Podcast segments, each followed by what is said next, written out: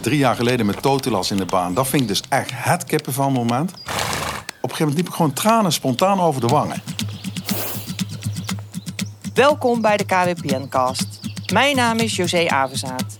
Wie ik ben? Ik werk al ruim 30 jaar bij het KWPN en ben als hoofd van de afdeling Stamboek verantwoordelijk voor de meer dan 10.000 veulenregistraties die we elk jaar verwerken.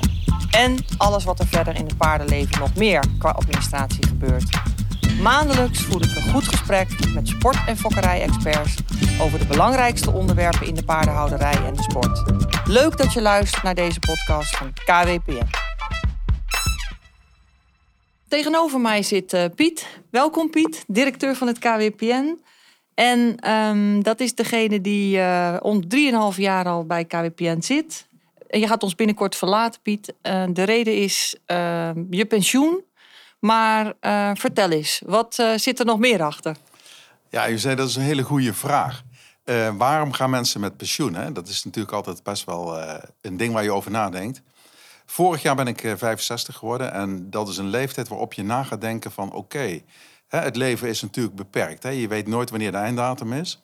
En in september vielen een paar mensen om me heen weg. Een van 53, een van in begin 60.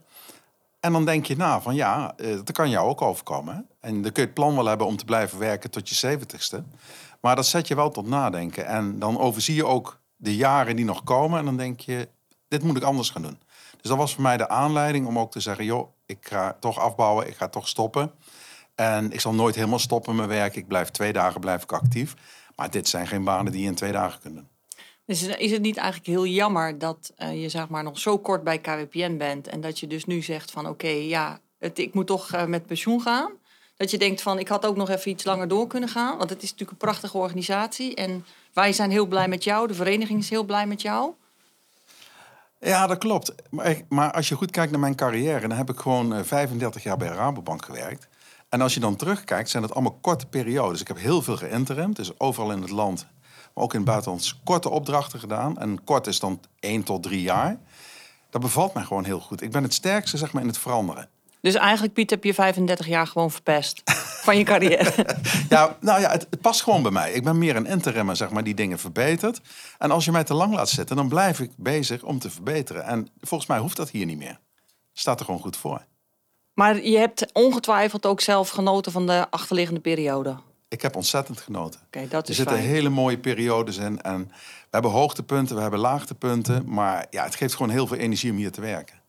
En we weten eigenlijk verder uh, bij, bij, vrij weinig van je, Piet. Alleen dat je uh, vervent uh, welspony-fokker bent. Betekent dat ook jaarlijks een veulentje in de wei?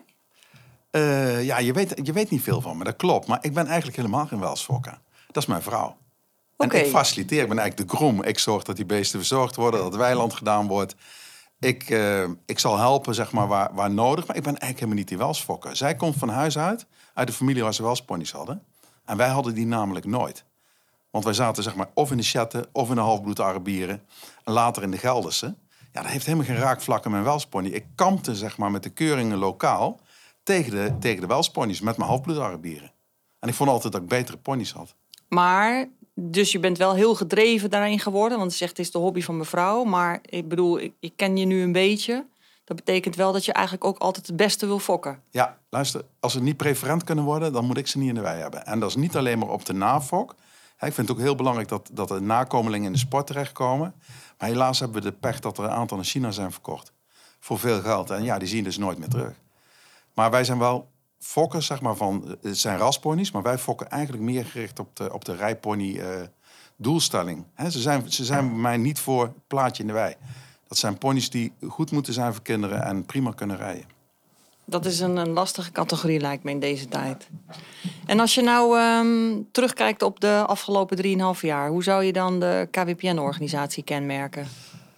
Uh, kenmerken als een. Uh, ja, ik vond het een complexe organisatie, omdat die klein is. Hè. Je hebt heel veel taken. Uh, met goede 30 FTE's moet je toch de klus klaren.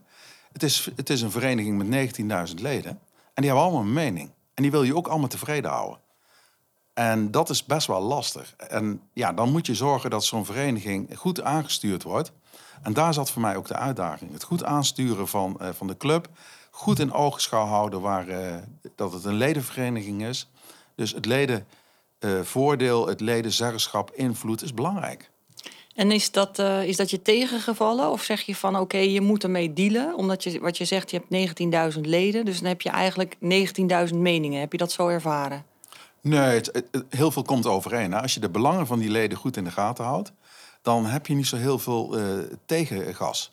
Weet je, leden geven eigenlijk veel meer aan van wat wat kan er verbeteren. Het valt mij op dat we niet zo heel veel ontevreden leden hebben. We hadden ontevreden leden, maar dat krijg je als je facturen niet goed op orde zijn, zeg maar, je boekhouding net even niet loopt zoals die lopen moet. En dat was in de periode toen ik hier kwam natuurlijk uh, flink aan de hand. We hadden toch uh, behoorlijk wat debiteuren. Die zeiden, ja, het is leuk dat je me herinnering stuurt. Maar hoe zit het nou eigenlijk? En uh, als je nou de afgelopen periode zou zeggen van... nou, dit is voor mij absoluut hoogtepunt. Wat zou je dan noemen? Wat is het hoogtepunt? Binnen, de, zeg maar, over de afgelopen 3,5 jaar. Ja, er zijn natuurlijk heel veel hoogtepunten. Hè? Ik dacht, het is een en al hoogtepunt voor je. Maar het was veel hoogtepunt. Ik heb niet één hoogtepunt, maar als je kijkt naar de hengstekeuring... vind ik altijd de hoogtepunt in het jaar.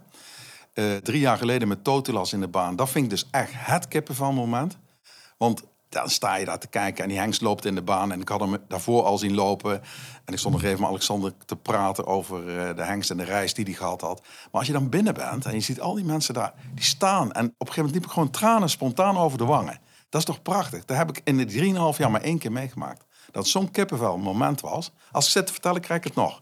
Gewoon die emotie van die mensen. Ik denk dat dat voor heel veel mensen aan de orde was, zeker. Ja. En ik denk ook de, de keuringen die we gedraaid hebben hè, de afgelopen twee jaar, de digitale hengstekeuring, ja, dat is gewoon super verlopen. We moesten in één keer van een hengstekeuring moesten we een tv-programma maken. En dat vind ik ook een hoogtepunt. Ja, maar je kijkt natuurlijk ook terug en er zijn er ook altijd punten waarvan je denkt van dat had ik anders willen doen. Of dat is me tegengevallen. Kan je daar ook een van die punten noemen? Uh, ja, dat zijn er ook er zijn er veel. Weet je, je hebt altijd dingen die tegenvallen, maar ik ben, ik ben een type wat meer vooruit kijkt. Als dingen tegenvallen of niet goed lopen, dan ben ik meer het type dat zegt van hoe ga ik dit aanpakken? En als je het aanpakt, zeg maar, dan gaat het ook weer de goede kant op. Dus ik heb niet zoveel dingen waarvan ik negatief terugkijk. Nou, dat zit gewoon niet in je. Nee, negatief. zit niet in mij. Okay. Ik kijk ook nooit foto's, je zei. Want dat vind ik ook vervelend. Je kijkt niet terug, je kijkt altijd graag vooruit. vooruit. Dat is heel belangrijk. Um, dan kennen we de KWPN natuurlijk wel als een vereniging met uh, eh, 13 regio's. Uh, sinds kort ook uh, regio België. Is dat iets waarvan je zegt dat is nog van deze tijd? Of zou je eerder neigen naar doe het de kleinere afdelingen of kleinere regio's samenvoegen? Samenvoegen. Ja, ik, ik zei net al, ik heb 35 jaar heb ik bij Rabobank gewerkt. Hè? En toen ik daar begon in 1979, is echt vorige eeuw, hè? heel lang terug dan, dan zag je een vereniging die helemaal bezig was en, en gericht was op zijn leden. een lokaal bestuur in dat dorp, dat stuurde die bank, de raad van commissarissen, eh, jaarlijks een algemene vergadering. En die leden stuurden zeg maar die lokale bank. Dus die bank was heel dicht georganiseerd bij zijn klant, zijn lid. Kijk nu naar de Rabobank, dat is helemaal losgelaten. Dat is ook een van de redenen waarom ik er weg ben gegaan. De vereniging ging steeds meer op de achtergrond. Hè. De coöperatie was niet meer belangrijk, steeds minder belangrijk. En als ik dan kijk naar KWPN, dan daar vertaal ik het naar. Kijk nu naar die bank. Die bank, voelt een lid zich nog lid? Nee. Voelt een lid zich klant? Nee. Had die bank daar keuze in? Nee. Want de, de hele financiële wereld is veranderd. En dat kon ook niet meer betaald worden. Maar wij zijn een vereniging hè? en onze leden betalen lidmaatschap. Die, uh, daar doen we eigenlijk alle taken voor, hier met deze club. Maar ook het bestuur, ledenraad, uh, fokkerijraden. Alles staat ten dienste van die fokkerij van die leden. En we weten nu heel goed wat er speelt. Hoe komt dat? Omdat de ledenraadsleden worden gekozen door de leden in de regio. Als je daarvan afstapt, hè, dat je zegt van ja, die maken die regio's groter. Wat is dan nog het belang om naar een uh, regiobijeenkomst te gaan? Ik woon zelf in Brabant hè, en ik moet naar Berkel en Schot. Nou, vanuit uh, Den Bosch naar Berkel en Schot 20 minuten. Vind ik al een red. Denk voor zo'n vergadering, nou, toevallig hebben ze altijd een leuk programma, dan doe je dat. Maar als ik daarvoor bijvoorbeeld helemaal naar Utrecht moet, dan ga ik niet meer. En dat gaat er ontstaan als wij zeg maar, die regio's op gaan schalen. En dat je steeds verder van het lid af komt te staan. Hoe weet je dan nog wat er speelt bij je leden? Maar eigenlijk zeg je dus gewoon, ik, ik wil daaraan vasthouden. Ik vind dat ook het mooie van deze vereniging. Ja, ik vind het het mooie van deze vereniging. En wat ik wel zou doen, is meer samenwerken dat je het land zeg maar in drie uh, stukken hakt, Noord, Midden en Zuid. En dat die regio's die in dat gebied zitten, veel meer samen gaan werken, onderling. Wel een eigen bestuur houden, dicht bij je leden de vergaderingen. Maar je activiteiten, Ja, of je nou één keuring organiseert met een team of je doet er vijf. Weet je, dan, dan heb je dat team. En ik denk dat je inkoop ook beter kan zijn als je uh, groter bent. Wat natuurlijk ook heel erg uh, aan een, een vrijwillige club vastzit en aan die regio's, is dus inderdaad die mensen die je nodig hebt om zo'n evenement zeg maar te kunnen organiseren. Zie jij die mensen die dat in het verleden gedaan hebben en die meestal vanwege leeftijd of dat ze dat niet meer kunnen afhaken, zou je die als ambassadeurs in willen blijven zetten voor KWPN? Omdat er natuurlijk zoveel know-how en kennis is bij die mensen. Maar ook zie je dat terug bij de oudere fokkers. Dat je zegt, geef die mensen een ambassadeursrol. Ja, jij noemt het een ambassadeursrol. Ik denk sowieso dat ambassadeurs zijn van onze verenigingen. Want ze hebben ze natuurlijk jarenlang ingezet. Ja, maar dan zijn het vrijwilligers die zo ingezet zijn. Maar op het moment dat je die definitief die rol niet meer geeft, dan voelen ze denk ik toch minder betrokkenheid bij die regio. Ja, en, en is dat goed? Want wat jij zegt is eigenlijk het punt dat we, als je 70 wordt, dan uh, moet je stoppen hè, binnen onze vereniging. Dat heeft ook te maken met de verzekering. Dat gevaarlijk is als mensen in de ring zijn. En de een is op 70 nog hartstikke vitaal en, en mobiel. Maar je hebt ook mensen die wat minder mobiel zijn. En met paarden is dat toch gevaarlijk. Dus onze verzekering zegt ook van joh, tot 70 en niet verder. Maar we kunnen ze zeker andere rollen geven, José. Je hebt het wel eens vaker gezegd. Hou die mensen bij de club. He, informeer ze, zet ze in. Uh, wat denk je van fokadviezen? Of Daar zit zoveel ja. kennis bij die mensen. Ja, maar en, nieuwe fokkers bezoeken. En die hebben gewoon ook tijd dan. Dus dat is zonde als je die niet zou benutten. Ja, ik vind dat een hele goede suggestie. Om die mensen veel beter te betrekken bij je vereniging. En betrokken te houden, want dat waren ze al. Daar hoef je niet, eigenlijk niet veel in te investeren. Maar, maar ik zie dat zelf een beetje bij, bij Jong KWPN. Heb je natuurlijk een hele nieuwe doelgroep. Dat zijn mensen die uh, zeg maar zelf het leuk vinden om met elkaar te discussiëren over fokkerij. Die mensen koppelen aan senior mensen is best wel een uitdaging in deze tijd. Want ze hebben geen tijd. Uh, alles gaat snel, alles is digitaal. Daarnaast ook van ik wil het betaald hebben als ik me ergens in, in, in verdiep. Hoe zie je dat, die combinatie van jong KWPN met senior fokkers? Moet je eerlijk zeggen, ik denk niet dat het aan gaat spreken het zou, je zou het kunnen proberen, maar ik zie het zelf. Hè. Ik ben 65. Ik kijk naar mijn kleinkinderen. Die zijn 17, 19 en, en dan nog een paar kleintjes. Maar die van 17 en 19, die, die zoeken dit niet. Die zoeken zeg maar niet die ouderen die komen vertellen hoe het gaat. Die halen hun informatie op een andere manier. En als ze wat willen weten, zoeken ze je wel op. Maar als je het te actief aanbiedt, dan merk ik ook van... Ja, dat is helemaal niet uh, Je moet gewoon een soort cultuur. van spontaan ontstaan. Ja, spontaan. Piet, even wachten. We gaan even bellen met Alice van Pavo. Met Alice. Goedemorgen, KWPN met José. Hoi, goedemorgen. Alice, welkom in de podcast van KWPN. Dankjewel. We willen een, uh, een paar vragen aan je stellen, omdat we uh, samen met jullie uh, een initiatief hebben voor het nieuwe seizoen. Um. Ja, ik dacht, het is een beetje een woord wat ik denk van jullie kunnen het beter zeggen. Ik noem het nog even de veulenbox. Want ik zie hier dat het gaat over een blije doos. Dat helpt natuurlijk wel voor de luisteraars, denk ik. Maar ik vind het een beetje een aparte naam. Ja. Um, maar... Vrouwen herkennen het misschien, maar voor andere mensen is het misschien uh, ja, een beetje onherkenbaar. Ja, maar uh, we maken er gewoon de veulenbox van. Um, gemaakt um, in, in samenwerking met KWPN. Uh, wil je er iets van vertellen? Uh, ja, heel leuk. Ja, we hebben inderdaad uh, nou ja, samen met het KWPN het Vrolijke Veulen pakket ontwikkeld. Ja, en eigenlijk kun je dit zien als een perfecte starterskit voor nou ja, toekomstige veulen-eigenaren. Nou ja, het helpt ze door, de, ja, door een spannende, maar vooral ook leuke tijd heen natuurlijk. Een veulentje fokken is natuurlijk hartstikke leuk, maar ja, ook spannend.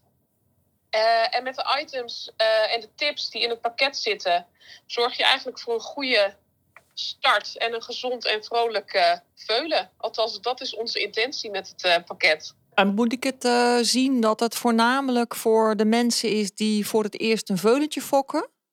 Is het ook leuk om het cadeau te geven, denk ik? Ja, ja het is superleuk inderdaad om te krijgen en om te geven. Um, en inderdaad, uh, we, we, richten ons meer of voornamelijk op de, nou ja, de, de, de hobbyfokker. Dus de mensen die nou ja, voor het eerst of nog niet zo heel veel ervaring hebben met het, uh, het fokken van een veulentje.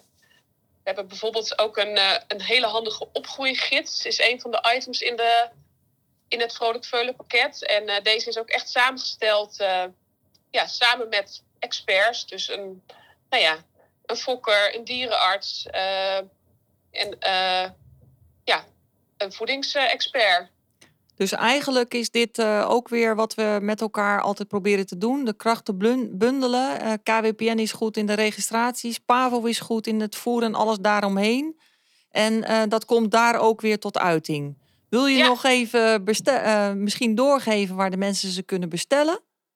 Ja, ja het, het Vrolijk Veulen pakket is exclusief te verkrijgen in de webwinkel van Agrari. En op pavo.nl slash vrolijkveulen. Super. Dankjewel Alice voor je toelichting. En uh, we hopen op een uh, heel groot en vruchtbaar veulenseizoen. Dankjewel. Dankjewel. Tot ziens. Iets heel anders, Piet. Uh, er is onlangs een ledentevredenheidsonderzoek geweest. kun je ons daar iets meer over vertellen? Ja, ik kan daar zeker uh, wat over vertellen. Het uh, ledentevredenheidsonderzoek is eigenlijk een nulmeting. Want we hebben in het uh, strategisch plan hebben we dat opgenomen. Omdat ik vind, als je een ledenorganisatie bent, moet je ook weten hoe je leden over jou denken. En als je een heel oppervlakkige enquête houdt, dan doe je één keer, dan heb je een cijfer. Maar wij hebben gezegd, we gaan het nu jaarlijks doen, de komende jaren, om eigenlijk te kijken van wat geven leden nu aan waar je op moet verbeteren. Wat doen we goed, wat doen we nog niet goed en wat doen we helemaal niet goed. Of hebben zij ook nog ideeën hè, wat we uh, zouden kunnen gaan doen. En door dat ledenonderzoek zien wij heel duidelijk waar zeg maar, bij eh, KWPN de verbeterpunten liggen.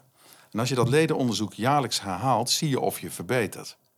Nou, dit onderzoek uh, was de eerste keer. We hebben een hele grote respons erop gehad. Echt, dat is flink meegevallen. En dan, dan kijk je naar het cijfer totaal. En kijk dan niet naar de onderdelen, want dat is veel meer voor de managers hè, en voor het bestuur. Maar ik kijk dan naar het eindcijfer en denk ik 7,4. Ik had een 7 verwacht. Dat vond ik al echt goed. als je toch van je leden een 7 krijgt voor je dienstverlening en het is een 7,4, dat is super. Maar nu is de kunst om het vast te houden, maar ook vooral op die onderdelen waar we moeten verbeteren, daar de actiepunten uit te halen, die weer op te nemen in het jaarplan. En dan zeg maar krijg je structuur. Maar dus eigenlijk ben je tevreden over zeg maar, het bereik wat we hebben gehaald. En, en zeg je die onderdelen waar mensen nu minder tevreden over zijn, daar zie je ook wel in de toekomst dat daar verbetering mogelijk is. Ja, zie ik zeker. En, en kan je daar iets van zeggen dat je zegt bijvoorbeeld dat onderwerp viel mij uh, positief op of negatief op? Uh, Had ik niet verwacht bijvoorbeeld? Ja, ik vind over het algemeen de leden heel erg positief zijn. Dus ook de betrokkenheid. Hè? Maar je ziet waardering voor het magazine. Je ziet waardering voor de dienstverlening aan de telefoon. Weet je, dienstverlening op de mail. Want dat is tegenwoordig toch belangrijk. Hè? Dat je die contacten met die leden goed, uh, goed onderhoudt. Inspectie is men tevreden over. Hè? Zien we wat verbeterpunten, maar die zien we overal. Maar het, er is zo'n achterban zo breed dat je zegt van nou bij de een gaat het bijna niet snel genoeg en de ander vindt altijd die telefoon nog heel belangrijk. Vind je ook dat daar voldoende middelen zijn zodat je iedereen kan bedienen en vinden de leden dat ook?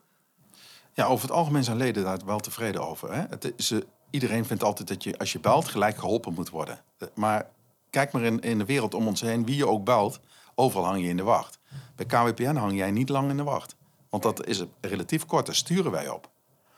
Zie maar, als je kijkt naar waar nou verbeterpunten zitten, dan geeft men toch aan paspoorten duurt lang. Dat vorig jaar is dat toch uh, wel wat ze aangeven. En wat me nou opvalt, is dat jij de maatregel met jouw afdeling al hebt genomen. Om te zorgen dat die paspoorten dit jaar gewoon eerder weggaan. Ja, maar dat komt ook omdat jij daar heel veel stuur hebt op gegeven. We zijn een vereniging, dus we zijn er voor de leden. En wanneer de leden tevreden zijn, dan doen we het als vereniging goed. Want um, wij horen natuurlijk aan de telefoon vaak genoeg dat de leden ons salaris betalen. En ja, dat is gewoon, gewoon heel duidelijk. Dus denk ik ook, dan moet je dat voor de leden ook regelen. En daar hebben we gewoon, uh, daar heb je redelijk op gehamerd, moet ik zeggen, voor, voor zover het nog niet uh, duidelijk was. Ja, maar toen ik kwam, viel me dat ook op. Hè? Toen ik begon, 3,5 jaar geleden viel me heel erg op in de kennismakingsgesprekken met alle medewerkers dat men gewoon de focus niet had op het lid. Er werd veel te gestuurd op verdienmodellen en dat soort verhalen. Uh, dat leeft voor een medewerker helemaal niet. Je moet een lid niet zien als een verdienmodel. Een lid is een lid waar je dienst aan moet verlenen. En ja. op een goede manier en snel. Maar dat, dat, uh, dat is ook meteen eigenlijk mijn volgende vraag. Uh, je ziet heel veel, uh, de wereld verandert om ons heen. Je ziet steeds meer grotere fokkers komen, grote eigenaren van paarden. Um, hoe zie je die rol van die kleine fokker? heeft een kleine fokker nog bestaansrecht? Ja, zeker.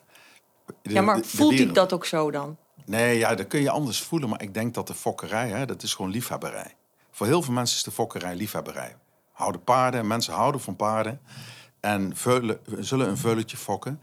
Maar eh, de wereld verandert wel. Hè. Je ziet gewoon dat die fokkers van de, net de oorloggeneratie, de, de generatie daarna... dat zijn de mensen van 70 jaar...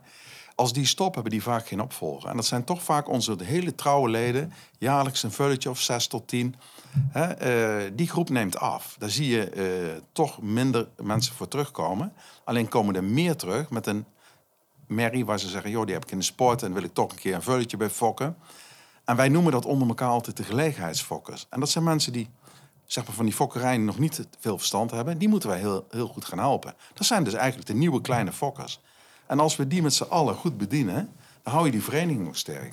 Ja, maar je zegt eh, de nieuwe kleine fokker. Die vervangt dus eigenlijk de grote fokker van oudsher. Want die grote fokker van oudsher, dat is natuurlijk een beetje met de agrarische achtergrond. Die hadden land, dus dat veulentje en die merries, dat maakt ook niet uit. We zien inmiddels ook een andere fokker opgestaan. Dus los van het feit dat eh, zeg maar de, de mensen, de hengstenhouders, gaan ook vaak veulens fokken.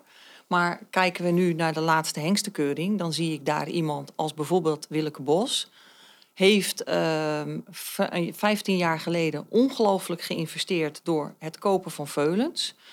Dus dan spreek je eigenlijk over gewoon een bedrijf. Dat betekent dus dat je afhankelijk wordt van die financiële mensen die eh veulentjes gaan fokken en dus ook bij onze organisatie komen.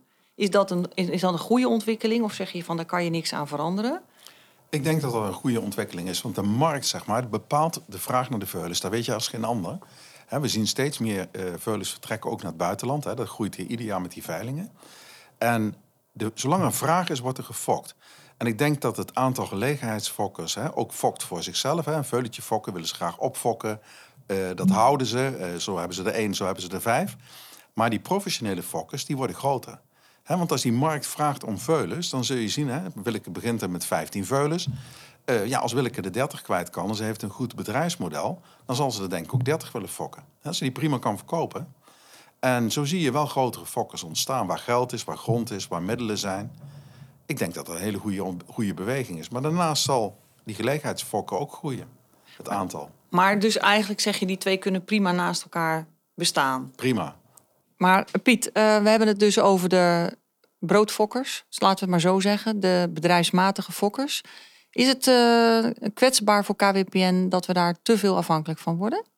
Zie je dat als een... Als we er te, wat je zegt klopt. Hè? Als je er te afhankelijk van wordt, dan is dat heel kwetsbaar voor KWPN. Want als die zeg maar, de macht zouden krijgen binnen je vereniging, is dat gewoon heel vervelend. Want als iemand zegt, joh, ik heb 200 veulens. En ik kom bij jou registreren of ga naar een ander. Want je kunt overal terecht. Hè? En dat gebeurt veel, dan ben je afhankelijk. Maar ik denk door de massa die wij hebben, hè, van leden... het aantal professionele fokkers groeit, maar het aantal gelegenheidsfokkers groeit ook. En ons aantal lidmaatschappen blijft gelijk. Kijk je naar het stamboek, is de primaire inkomst is lidmaatschappen. Weet je, onze grootste inkomstenbron is lidmaatschappen. Tweede is registratietarief van de veulens. Daar draait deze organisatie grotendeels op.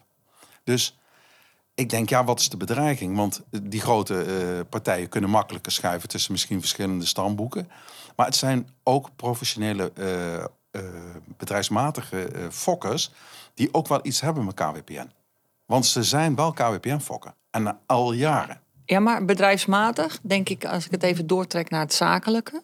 Als ik een goed bedrijf heb, dan ben ik vaak een eigenwijs iemand. Want ik heb gewoon helemaal mijn eigen visie, mijn eigen lijn. Ehm, die bedrijfsmatige fokkers, die zullen dus datgene wat ze in de zakenwereld hebben ook doortrekken in de fokkerij. Dus die zullen niet zo heel veel een boodschap hebben aan wat KWPN allemaal voor ze regelt. Dus dan kom je eigenlijk terug aan wat jij de basis noemt. De leden en de registraties. En zeg je dan verder, maken die mensen sowieso wel uit waar ze dan wel of niet aan willen deelnemen binnen KWPN? Ja, maar dat is, een bedrijf, hè, een bedrijfsmatig, kijkt altijd naar kosten en opbrengsten. En wat kan ik halen en wat kan ik brengen? Als ik een bedrijf heb, wil ik zoveel mogelijk verdienen. Hè? Je wil toch je bedrijf gaande houden, je wil groeien. En dat zal, dat zal een professionele fokker doen. Maar één onderscheid is er. Je fokt of KWPN-paarden, of je fokt een ander, bij een andere vereniging. En dan kan het zijn tegen een lage tarief, maar heb je geen KWPN-paard, uh, José. Maar wat ik, wat ik zeg maar regelmatig ook hoor uh, door, bij, uh, door de leden die, die de vraag stellen van... joh, tel ik nog mee als kleine fokker? Want als ik bijvoorbeeld simpelweg de merriekeuring neem... dan komen daar grotere uh, inzenders. Die hebben natuurlijk meer kans dat zij met hun paard vooraan staan. Dat gevoel leeft wel een beetje bij die kleine fokker. Kunnen we daar zouden we daar iets aan kunnen veranderen? Of ja, kijk, wat wij natuurlijk steeds zeggen: van als ik vijf paarden heb en ik ga met vijf paarden naar de keuring, of ik heb er één, dan heb ik vier keer zoveel kans om bovenaan te komen, komen te staan. Zeg je van dat is gewoon inherent aan een vereniging? Ja, maar dat is altijd al zo geweest. Weet je, we hebben altijd grotere fokkers gehad in verhouding. Maar er is ook wel een verandering gaande ten aanzien van keuringen. Je ziet toch uh, uiteindelijk gebeuren dat fokken voor de sport. En je ziet steeds meer fokkers kijken naar sportresultaten. En het lopen aan het touwtje, en dan heb je een prachtige merrie die wordt ster of die wordt keur. Dat is heel mooi. Heel veel mensen vinden dat belangrijk. Maar er is ook een steeds grotere groep die zegt: nee, ik vind het mooi dat ik het predicaat heb, maar het gaat mij om sport. Hij moet zelf goed in de sport lopen. Het liefst zie ik dat terug in de pedigree. En ik wil het ook zien in de nafok. Dus ja, ik denk dat er gewoon een hele kantering komt. Hè? In het, het hele keuren van, van paarden. En dat je voor de rest veel meer gaat kijken van wat doen ze in de sport. Want uiteindelijk fok je ze daarvoor. Maar ook dat is weer een kostenplaatje. Ja, Want, ja dat kost geld. Ik bedoel, dat kost geld. Dus dat is ook niet voor iedereen weggelegd. En als ik het dan gewoon als uh, zeg maar fokker mooi vind om een veulentje in de wei te hebben, dan zeg je gewoon eigenlijk, dan moet je dat accepteren en dan moet je dat vooral blijven doen. Dan moet je gewoon blijven doen. En ik denk, als, als het je alleen gaat om een veulentje in de wei, dan denk ik, joh, koop een Shetlander of koop een Welspony, fokken veulen, leuk. Maar wij fokken wel sportpaarden. En... Ja, maar Piet, ik begrijp dat jij hier de Wels wil promoten, maar dat gaat natuurlijk niet werken, hè? Nee, nee sorry. nee, nee. Een heel ander onderwerp. Uh, welzijn. We hebben natuurlijk gezien dat, uh, zeg maar, de, de coronatijd heeft ons veel gebracht. Of eigenlijk veel ellende gebracht. Maar hier op het centrum konden wij gewoon doorgaan met onze activiteiten. Um, dan um, is het natuurlijk eigenlijk wel tijd dat we zeggen van nou, het is nu prachtig weer. En dan kijken we naar buiten en denken van wordt het niet uh, binnen KWPN tijd voor een uh, buitenterrein? Waar de paarden buiten kunnen trainen. Ze kunnen al heel mooi naar buiten kijken. Ze komen heel vaak buiten in de paddock. Maar een buitenterrein gewoon hier op ons centrum. Voor onze eigen voor onszelf, ja, ja. Uh, verrichtingsonderzoek. Paarden die we klaarmaken voor de veiling voor leden van ons. Dat bedoel je? Ja. Dat we daar een betere accommodatie voor moeten hebben. Ik denk dat het een hele goede is. Weet je, kijk naar welzijn, dan hebben wij gewoon te weinig paddocks. En het zou toch prachtig zijn als we hier die wei die voor het kantoor ligt, dat er een mooie zandpiste zou worden. Dat we daar de paarden ook beter kunnen trainen. Dus en meer paddocks, een buitenmolen. Hè? Het, is, het prachtig dat we een binnenmolen hebben. Maar je wil die paarden meer naar buiten hebben. Maar we zijn nu daarmee bezig. En dat mee bezig, dat zijn we al meer dan twee jaar. En dat valt mij zo tegen. Die ambtelijke molens die draaien zo langzaam. En je hebt hier dergelijke problemen als een Natura 2000 gebied, waardoor je niet zomaar iets mag hier op de Veluwe. En ja, dan moet je gewoon kijken wat je wel kunt. Dus wij moeten gewoon zorgen dat de, paddock die we, de paddocks die we hebben, dat die goed gebruikt worden. Maar we zullen geen mogelijkheid nalaten om te zorgen dat hier meer paddocks komen en die zandpisten. Die hebben we gewoon nodig. En vind je dan, uh, we hebben natuurlijk hier het uh, Nederlands Hypicentrum. Um, dat is mooi. Vind je dat we dat moeten, ons best moeten doen om dat uit te breiden? Of zeg je van als KWPN hebben we eigenlijk veel meer behoefte aan onze eigen uh, faciliteiten en ons eigen stukje? Of zeg je nee, dat Nationaal Hypicentrum, dat is gewoon echt de trigger waar we met z'n allen voor moeten gaan? Ja, zal ik je mijn persoonlijke mening geven? Want daar ja, gaat het om. Daar gaat het ik om. denk namelijk dat wij niet veel ruimte hebben op dit centrum. Hè. KWPN heeft een beperkte ruimte op dit hele grote centrum. Dat is van ons. De rest is van de, van de KNS. En wat wij moeten doen, dat is mijn persoonlijke mening, heel nauw samenwerken. Want we hebben met z'n allen er belang bij. We zitten hier op het mooiste plekje van Nederland. Hè? Als je kijkt hier op de Veluwe. Je komt hier aanrijden, je kijkt naar het kantoor, je kijkt hier naar de accommodatie. Dan zeggen mensen, het is toch schitterend. Nou, en als wij samenwerken met de KNS op dat gebied en we kunnen uh, de accommodaties met elkaar wat meer uitwisselen. En het groeit hier weer, dan heb ik denk, hebben we denk ik met z'n allen bereikt wat we moeten bereiken. Dit ligt centraal in Nederland. En zie je dat uh, op korte termijn, zie je veranderingen in, in die 3,5 jaar dat jij nu hier uh, zeg maar werkzaam bent? Heb jij gezien van oké, daar zijn we een stukje vooruit gekomen om dat hypische centrum met elkaar te realiseren? Want als je het de leden vraagt, die vinden het eigenlijk nog over het algemeen veel te weinig. Ja, wat jij nu zegt is eigenlijk wel wat, wat ik ook hoor. Hè, dat hoor ik ook terug van onze leden. Dat men eigenlijk vindt dat er te weinig activiteit is hier op het centrum. Bij KWPN vindt men het druk. Hè? En laten we kijken, de afgelopen 3,5 jaar... we hebben uh, continu activiteiten. Vorig jaar hebben we de week voor kerst... hadden we hier geen paarden staan. Nou, dat voelt gewoon heel gek. Want dan denken we, hier is niks aan Er wordt niet getraind. Er zijn geen paarden. Alles wordt schoongemaakt. De stalmensen hebben vakantie. Die, die kunnen dan ook een vrije dag opnemen. Maar dat is gewoon heel gek. Maar ja, wat er bij de buren gebeurt, hebben wij natuurlijk geen grip op. Hè? De KNS zeg maar, is bezig om na de corona ook weer meer activiteiten op te starten. En ik heb er goed geloof in dat het gaat lukken. Dat we met elkaar hier het centrum weer uh, ja, druk bezocht maken, veel evenementen gaan organiseren.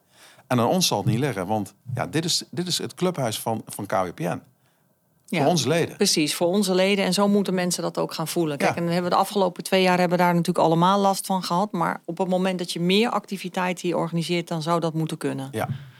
En dan heb je natuurlijk uh, altijd als je bij een organisatie werkt, dan heb je daar voor de organisatie uh, veel bereikt. Um, wat heb jij persoonlijk uh, van die 3,5 jaar KWPN geleerd of meegenomen? Of wat ga je meenemen? Uh, ja, dat is een hele lastige vraag. Ja, want altijd, ja, je, leert, maar je leert eigenlijk iedere dag. Ja. Hè? En welk, ik, ik, dacht altijd vroeger van, joh, hè, als ik ouder word, dan word ik wel rustiger. Dat zei ze ook altijd tegen me, dan word je vanzelf rustiger. En uh, leren houdt ergens een keer op, hè? maar dat houdt eigenlijk helemaal niet op. En wat ik hier heel, heel goed geleerd heb bij KWPN, is uh, anders kijken naar fokkerij. Want toen ik hier kwam, ja, wat wist ik nou van genoom? Weet je, ik weet dat er DNA-onderzoeken worden gedaan. En dan krijg je hier verhalen over uh, DOC. Ik denk, DOC, wat is dit? En waar gaat het over? Maar door die gesprekken hier te voeren... en ik wist na een half jaar had ik door waar ze het over hadden. Wat je allemaal kunt met dat DNA. Wat je allemaal kunt met genoom. Want ik zat hier zo te kijken. Ik denk, zitten hier 11.000 haakkaartjes uh, door het systeem te jassen. 11.000 resultaten komen terug. Wat doen we er allemaal mee? Nou, en als je nou ziet wat KWPN er allemaal mee doet... dat heb ik echt geleerd. Want uh, als ik een paard zie, dan kijk ik niet meer alleen. Vroeger keek ik alleen voordat ik hier werkte naar het paard wat voor me stond. Dan denk ik, nou, goed paard. Hè? Ik keek naar het papier, goed gefokt. En ik wilde de prokfoto's zien. dacht, nou, kijk, uh, die prokfoto's geven aan dat het paard gezond is. Hè? Zit een chipje in? Top. Maar wat ik nu doe, is veel meer kijken van hoe zit het paard genetisch in elkaar. Want dat prachtige paard wat voor me staat, is genetisch misschien niet het paard wat ik moet hebben. Dus ik kijk nu veel meer van wat, wat, wat zie ik niet? Maar dan, manier. als jij dat zelf al zegt, dan zou ik toch bijna de conclusie willen trekken dat we dat nog veel meer moeten communiceren naar onze achterban. Ja. Want dat is natuurlijk wel, uh, als jij het al pas hier geleerd hebt om te zeggen van nou, oké, wat is genomen nu eigenlijk? Dat hebben we al jaren. Dus zouden we daar nog iets meer kunnen verbeteren of zeggen van oké, op die manier kunnen we het makkelijker bij de mensen over de bühne brengen? Het is te ingewikkeld. Want toen ik hier kwam, en toen, er is een heel boekwerk van. Hè, als je dat leest, dan, ja, ik denk een 30 pagina's, informatie. En het is informatie die je eigenlijk wel in je hoofd moet hebben. Van hoe zit dat dan allemaal in elkaar? Maar het is te ingewikkeld. En wat ik nu zie, is dat er gewoon uh, duidelijke kenmerken komen. Kenmerk voor vermogen, kenmerk voor karakter, kenmerk voor stokmaat, kleur. Weet je, dat is heel tastbaar. Als je tegen mij zegt, dat paard genetisch heeft die kleur hè, krijg die kleur voor zoveel procent zekerheid. Of die stokmaat, die merrie die voor jou staat, die is 1,62, is aan de kleine kant. Maar genetisch is het een heel interessant paard, ook qua stokmaat. Want dat is niet 1,62, dat is genetisch heel anders. En dat zeg maar gaan leden steeds meer ervaren. Maar je moet er gewoon mee aan de slag gaan. Ik, ik ben ermee aan de slag gegaan. Ja, je moet er mee aan de slag gaan, zodat je met elkaar die discussie kan voeren. Want dat is natuurlijk wat fokkers heel graag doen. En dat is ook het leuke, vind ik, van die focusclubjes die je overal regionaal hebt, waar mensen zich bij aansluiten. Die zitten gewoon één keer in de twee, drie weken bij elkaar. En die borrelen wat en die praten over dit soort onderwerpen. Maar dat is natuurlijk een beetje wat het allerbelangrijkste is. Fokkerij is liefhebberij, is hobby, is, is, is emotie. En die willen mensen natuurlijk uiteraard altijd graag met elkaar blijven delen. Hey Henk, goedemorgen. Je moet wel echt een uh, hele belangrijke boodschap hebben, want we zitten midden in de podcast. Oh, hartstikke mooi, José. Ja, maar dan moet je dus wel een hele belangrijke boodschap hebben om nu ons even te storen. Ja, absoluut. Ik hoor dat het met de veulenregistraties heel goed gaat, want er worden heel veel veulens geboren. Maar attendeer die fokkers erop dat ze als ze een nieuwe hengstenkeuze maken, dat ze in onze hengstendatabase kijken. Want daar staat ongelooflijk veel informatie in. En daar hebben ze veel aan om een nieuwe hengstenkeuze te maken. En eh, dat is zeer recent of uh, dat is altijd al, we willen hem nu extra onder de aandacht brengen? Ja, dat hebben we het hele jaar door. Maar zoals nu is het wel heel belangrijk. Want we zijn allemaal aan het zoeken naar de passende hengst. En we willen allemaal informatie hebben. En er is geen stamboek op de wereld die zoveel informatie in de database heeft als ons KWPN. En zeg je dan, uh, dat is een, een tool die mensen eerst moeten raadplegen voordat ze het advies bij jullie gaan vragen? Of zeg je van, wij zijn er natuurlijk ook altijd om nog iets toe te lichten? Ja, wij kunnen ze ook helpen bij een fokadvies. Maar ik denk dat de fokkers eerst zelf eens even in de tool moeten kijken. Want als ze een scoreformulier van de merrie hebben, of het genetisch profiel van de merrie, hebben ze al heel veel informatie. En dan kunnen ze zelf even kijken wat ze verbeterd of willen verankeren aan de merrie. En dan kunnen ze eens even kijken in de database welke hengsten uh, zouden kunnen passen. En ze kunnen altijd voor uh, extra informatie bij ons terecht. Nou, super Henk. Dankjewel voor deze toelichting. En dan kan je nu weer verder aan je werk. Dankjewel, José. Nou uh, ga jij ons straks verlaten, Piet. Komt er een nieuwe directeur of misschien wel uh, directrice, je weet het nooit hè. Wat zou je die mee willen geven? Uh, ja, ik weet ook niet wat gaat worden, want ik word niet betrokken bij het proces. En dat moet ook niet. Ik vind dat je namelijk niet moet bemoeien met de opvolging van je eigen positie. Want dan ja, ben je over je graf aan het regeren. Ehm, ja, wat wil ik die meegeven? Ik denk dat het heel belangrijk is dat ik mee kan geven van... Ik zal A, eerst checken van heb je goed in de gaten dat dit een vereniging is en geen bedrijf de dame of heer, die, die zal ik daar zeker op bevragen. Want dat is de kern van, van wat je hier moet doen. En voor de rest denk ik dat je hier als directeur... Hè, ik heb hier uh, 3,5 jaar gewerkt, daarvoor zaten er twee. Ik heb het uh, alleen gedaan. Dan zegt iedereen, dat is knap. Ik zeg, dat is helemaal niet knap. Want het heeft ermee te maken dat ik hoofden van afdelingen heb... en dat zijn hier meewerkende voormannen en vrouwen... die gewoon je taak aan over kunnen laten. Toen ik hier kwam, dacht ik ook, ik moet alles aanpakken... en overal mijn, mijn infuus instoppen en maar blijven pompen en zorgen dat het aan de gang gaat. En in die afgelopen 3,5 jaar heb ik steeds meer los kunnen laten. En als ik nu ook kijk, ik ben op dit moment twee dagen per week hier. Het loopt hier prima door. En ik denk dat een nieuwe directeur, hè, twee dagen is gewoon echt te weinig. Maar als je straks hier weer fulltime werkt en je laat de managers het werk doen wat ze moeten doen en wat ze al doen, en je geeft die ruimte, dan, dan loopt dat goed door. En dat is mijn boodschap die ik mee zal geven. Geef ruimte, laat die mensen hun werk doen. Zij hebben er verstand van. En wat zou je dan uh, in het kader daarvan de vereniging mee willen geven? En denk ik met name ook een heel belangrijk onderwerp wat we gewoon steeds horen in het kader van welzijn. Wat gaan we doen? Dat is een onderwerp waar we met z'n allen natuurlijk niet onderuit kunnen. Wat zou jij concreet zeg maar willen aangeven van ga daarmee aan de slag in het kader van het welzijn? Het is natuurlijk nu heel actueel. Hè? We zitten voor de Dutch Masters. Hè? Ik woon in Brabant. Als ik die, die billboards zie staan, hè? dat topsport gewoon niet moet mogen dan, dan bekruipt mij een gevoel van dat ik denk van jee, we, we, we zitten allemaal te kijken naar die billboards en er komt weer een leuk artikel, dat leest dan in het Brabants Dagblad, hartstikke mooi geschreven. Ankie met een goede quote, echt goed gedaan. Maar ik denk jongens, hier lossen wij het niet meer op. Wij moeten als sector met elkaar aan de slag, actief. Wij moeten zorgen dat uitwassen uitgebannen worden. Want dat is slecht voor onze, voor onze fokkerij, voor onze sport en in de toekomst kun je, als je daar niks aan gaat doen, kun je gewoon geen paarden meer houden. Dus je zegt gewoon echt met elkaar aan de bak en gewoon uitdragen dat, uh, dat het gewoon belangrijk is dat het welzijn van die dieren bovenaan staat. Ja, en dat welzijn is niet alleen in de topsport. Want ik heb laatst had ik een gesprek met de dierenbescherming. Toen heb ik ook gezegd, moet je eigenlijk de paarden, paarden en ponypopulatie in Nederland, hè, die moet je eigenlijk tekenen in een driehoek. Waar zitten die toppaarden die in de topsport lopen? Dat, is bovenin die punt. Hè. Dat zijn een kleine groep hè, eh, paarden die daar actief zijn. Ik zeg, maar daar zit het leed niet. Ik zeg, want het leed zit onderin. Als je die piramide pakt, de breedte onderin, daar zitten die paarden en die ponies die lopen bij particulieren in de wei. Hebben er geen verstand van, die dieren worden niet ontwormd. Er komt geen hoesmet voorbij. Dan ligt er weer een keer in dood langs de kant van de weg. Die worden rendak opgehaald. Weet je, het gebeurt ook bij mij in de straat. En dan denk ik, die onkunde is een veel groter leed in Nederland als ditgene wat gebeurt in die topsport. Want die paarden staan de top bij, hebben prachtige accommodaties, de, de beste vrachtwagens. Een sporter houdt van zijn paard. Want als hij er namelijk niet van houdt, gaat hij er ook niks mee bereiken. En de focus ligt gewoon compleet verkeerd. En partijen die aan de slag willen met, met zo'n verhaal, ga je eens aan de onderkant kijken. Want daar zit het echte leed. Nou Piet, dat is uh, fantastisch. Dan uh, voor, voor zover deze wijze raad. Daar gaan hopelijk mensen mee aan de slag. Dan was dit een stukje wat volgens mij voor jou heel eenvoudig was om al deze vraag te beantwoorden. Maar nu gaan we toch kijken of we iets meer Piet naar boven kunnen halen. En ik ga je dus een paar eh, stellingen voorleggen. En die moet je eigenlijk alleen beantwoorden met ja of nee.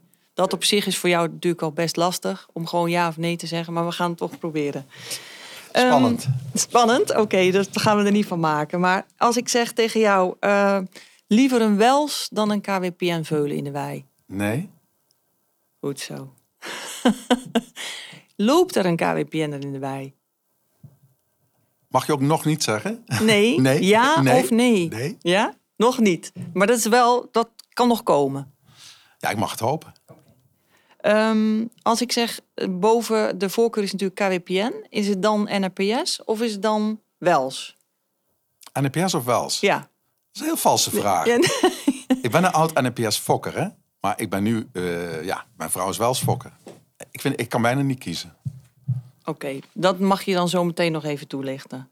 Ehm, je pensioen zit eraan te komen. Ga je dan thuis klussen of op wereldreis? Klussen. Je gaat ehm, liever naar de hengstenkeuring dan naar de KWPN-kampioenschappen? Hengstekeuring. Ja. Vanwege, je mag wel iets toelichten. Eh, de hengstekeuring vind ik boeiender. Weet je, al die jonge hengsten, mooie show. eh, iedereen ontmoeten. In die Brabanthallen is gewoon vier dagen heel veel verschillende mensen die je tegenkomt. En dat vind ik altijd leuk. Liever een coachingsbedrijf dan KWPN? KWPN. Nee, dus dat is het Geen antwoord nee, coachingsbedrijf, geen nee. coachingsbedrijf.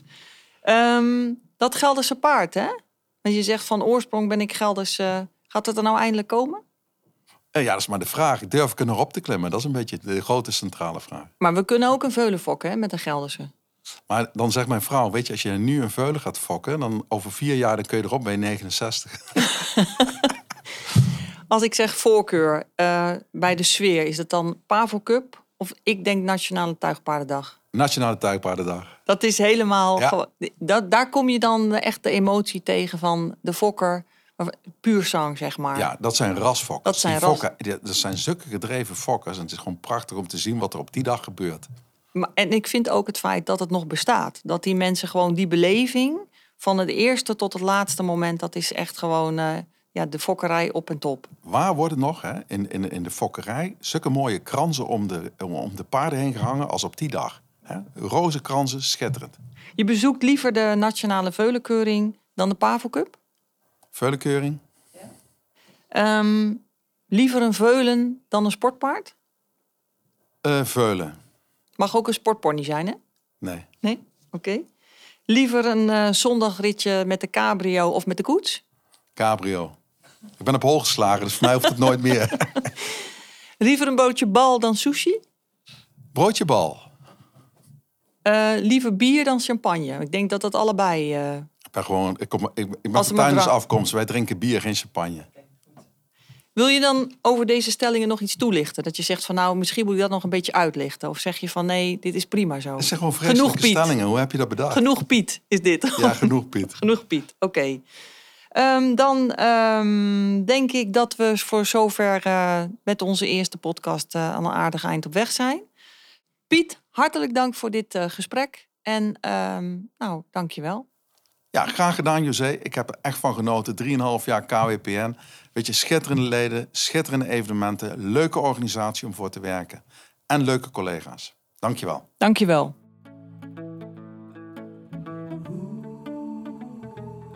Elke podcast hebben we ook een fokkersvraag. Fokkersvraag van deze keer is... Als jonge fokker ben ik nu voor het eerst mede-eigenaar van een veulen. Maar hoe registreer ik dit bij het KWPN? Hoe registreer ik mijn veulen? Ik ben een jonge fokker. Ehm, dan ga je afhankelijk of de dekking bij de merrie eh, in het systeem zit. Dan kan je via de digitale weg mijn KWPN, mijn merries. En daar kan je als de dekking bij de merrie geregistreerd is, het veulen digitaal aanmelden. Als dat eenmaal heeft plaatsgevonden, hoef je verder niets te doen. Alles wordt door het KWPN middels onze paspoortconsulenten geregeld. Veulen wordt geschetst en gechipt. Wordt voorzien, wordt een haarmonster getrokken en je krijgt ter zijner tijd keurig netjes je paspoort van je veulen in de brievenbus. Ik wil nog uh, graag afsluiten met een uh, belangrijke tip van de maand. De mediatip van de maand noemen we hem. En dan gaan we zeggen van oké, wat zou ik nou graag adviseren? Um, de mediatip is wat mij betreft het meesterwerk op KWPN TV. Um, ik kan voor mezelf niet kiezen welke ik nou als eerste moet bekijken. We hebben er namelijk meerdere hele interessante staan. Die met topfokker Leunus van Lieren. Of die met paardenman Puurzang Paul Hendricks zou ik zeggen. Echt een aanrader. Bekijk ze vooral allebei en luister en kijk naar hun visie en ervaring. Tot slot, nog een tip voor onze fokkers. Heeft u in 2021 uw merrie laten dekken? Check dan even of die dekking al genoteerd staat in mijn KWPN bij mijn dekkingen. In dat geval kunt u namelijk heel snel en heel eenvoudig uw veulen van dit jaar digitaal aanmelden via mijn KWPN. Staat de dekking nog niet in mijn KWPN? Neem dan contact op met uw hengstenhouder met het verzoek deze dekking alsnog te melden. Lukt het u niet, dan zijn we natuurlijk altijd, altijd uiteraard voor u via de telefoon of via de mail beschikbaar. Hartelijk dank voor het luisteren naar deze eerste KWPN-cast. Volgende maand praten we met Tamara van Manen over het keuringsklaarmaken van paarden. Heeft u nou ook een vraag die u graag beantwoord wilt zien? Spreek dan duidelijk een audiobericht in en app deze naar 06 214 600 45.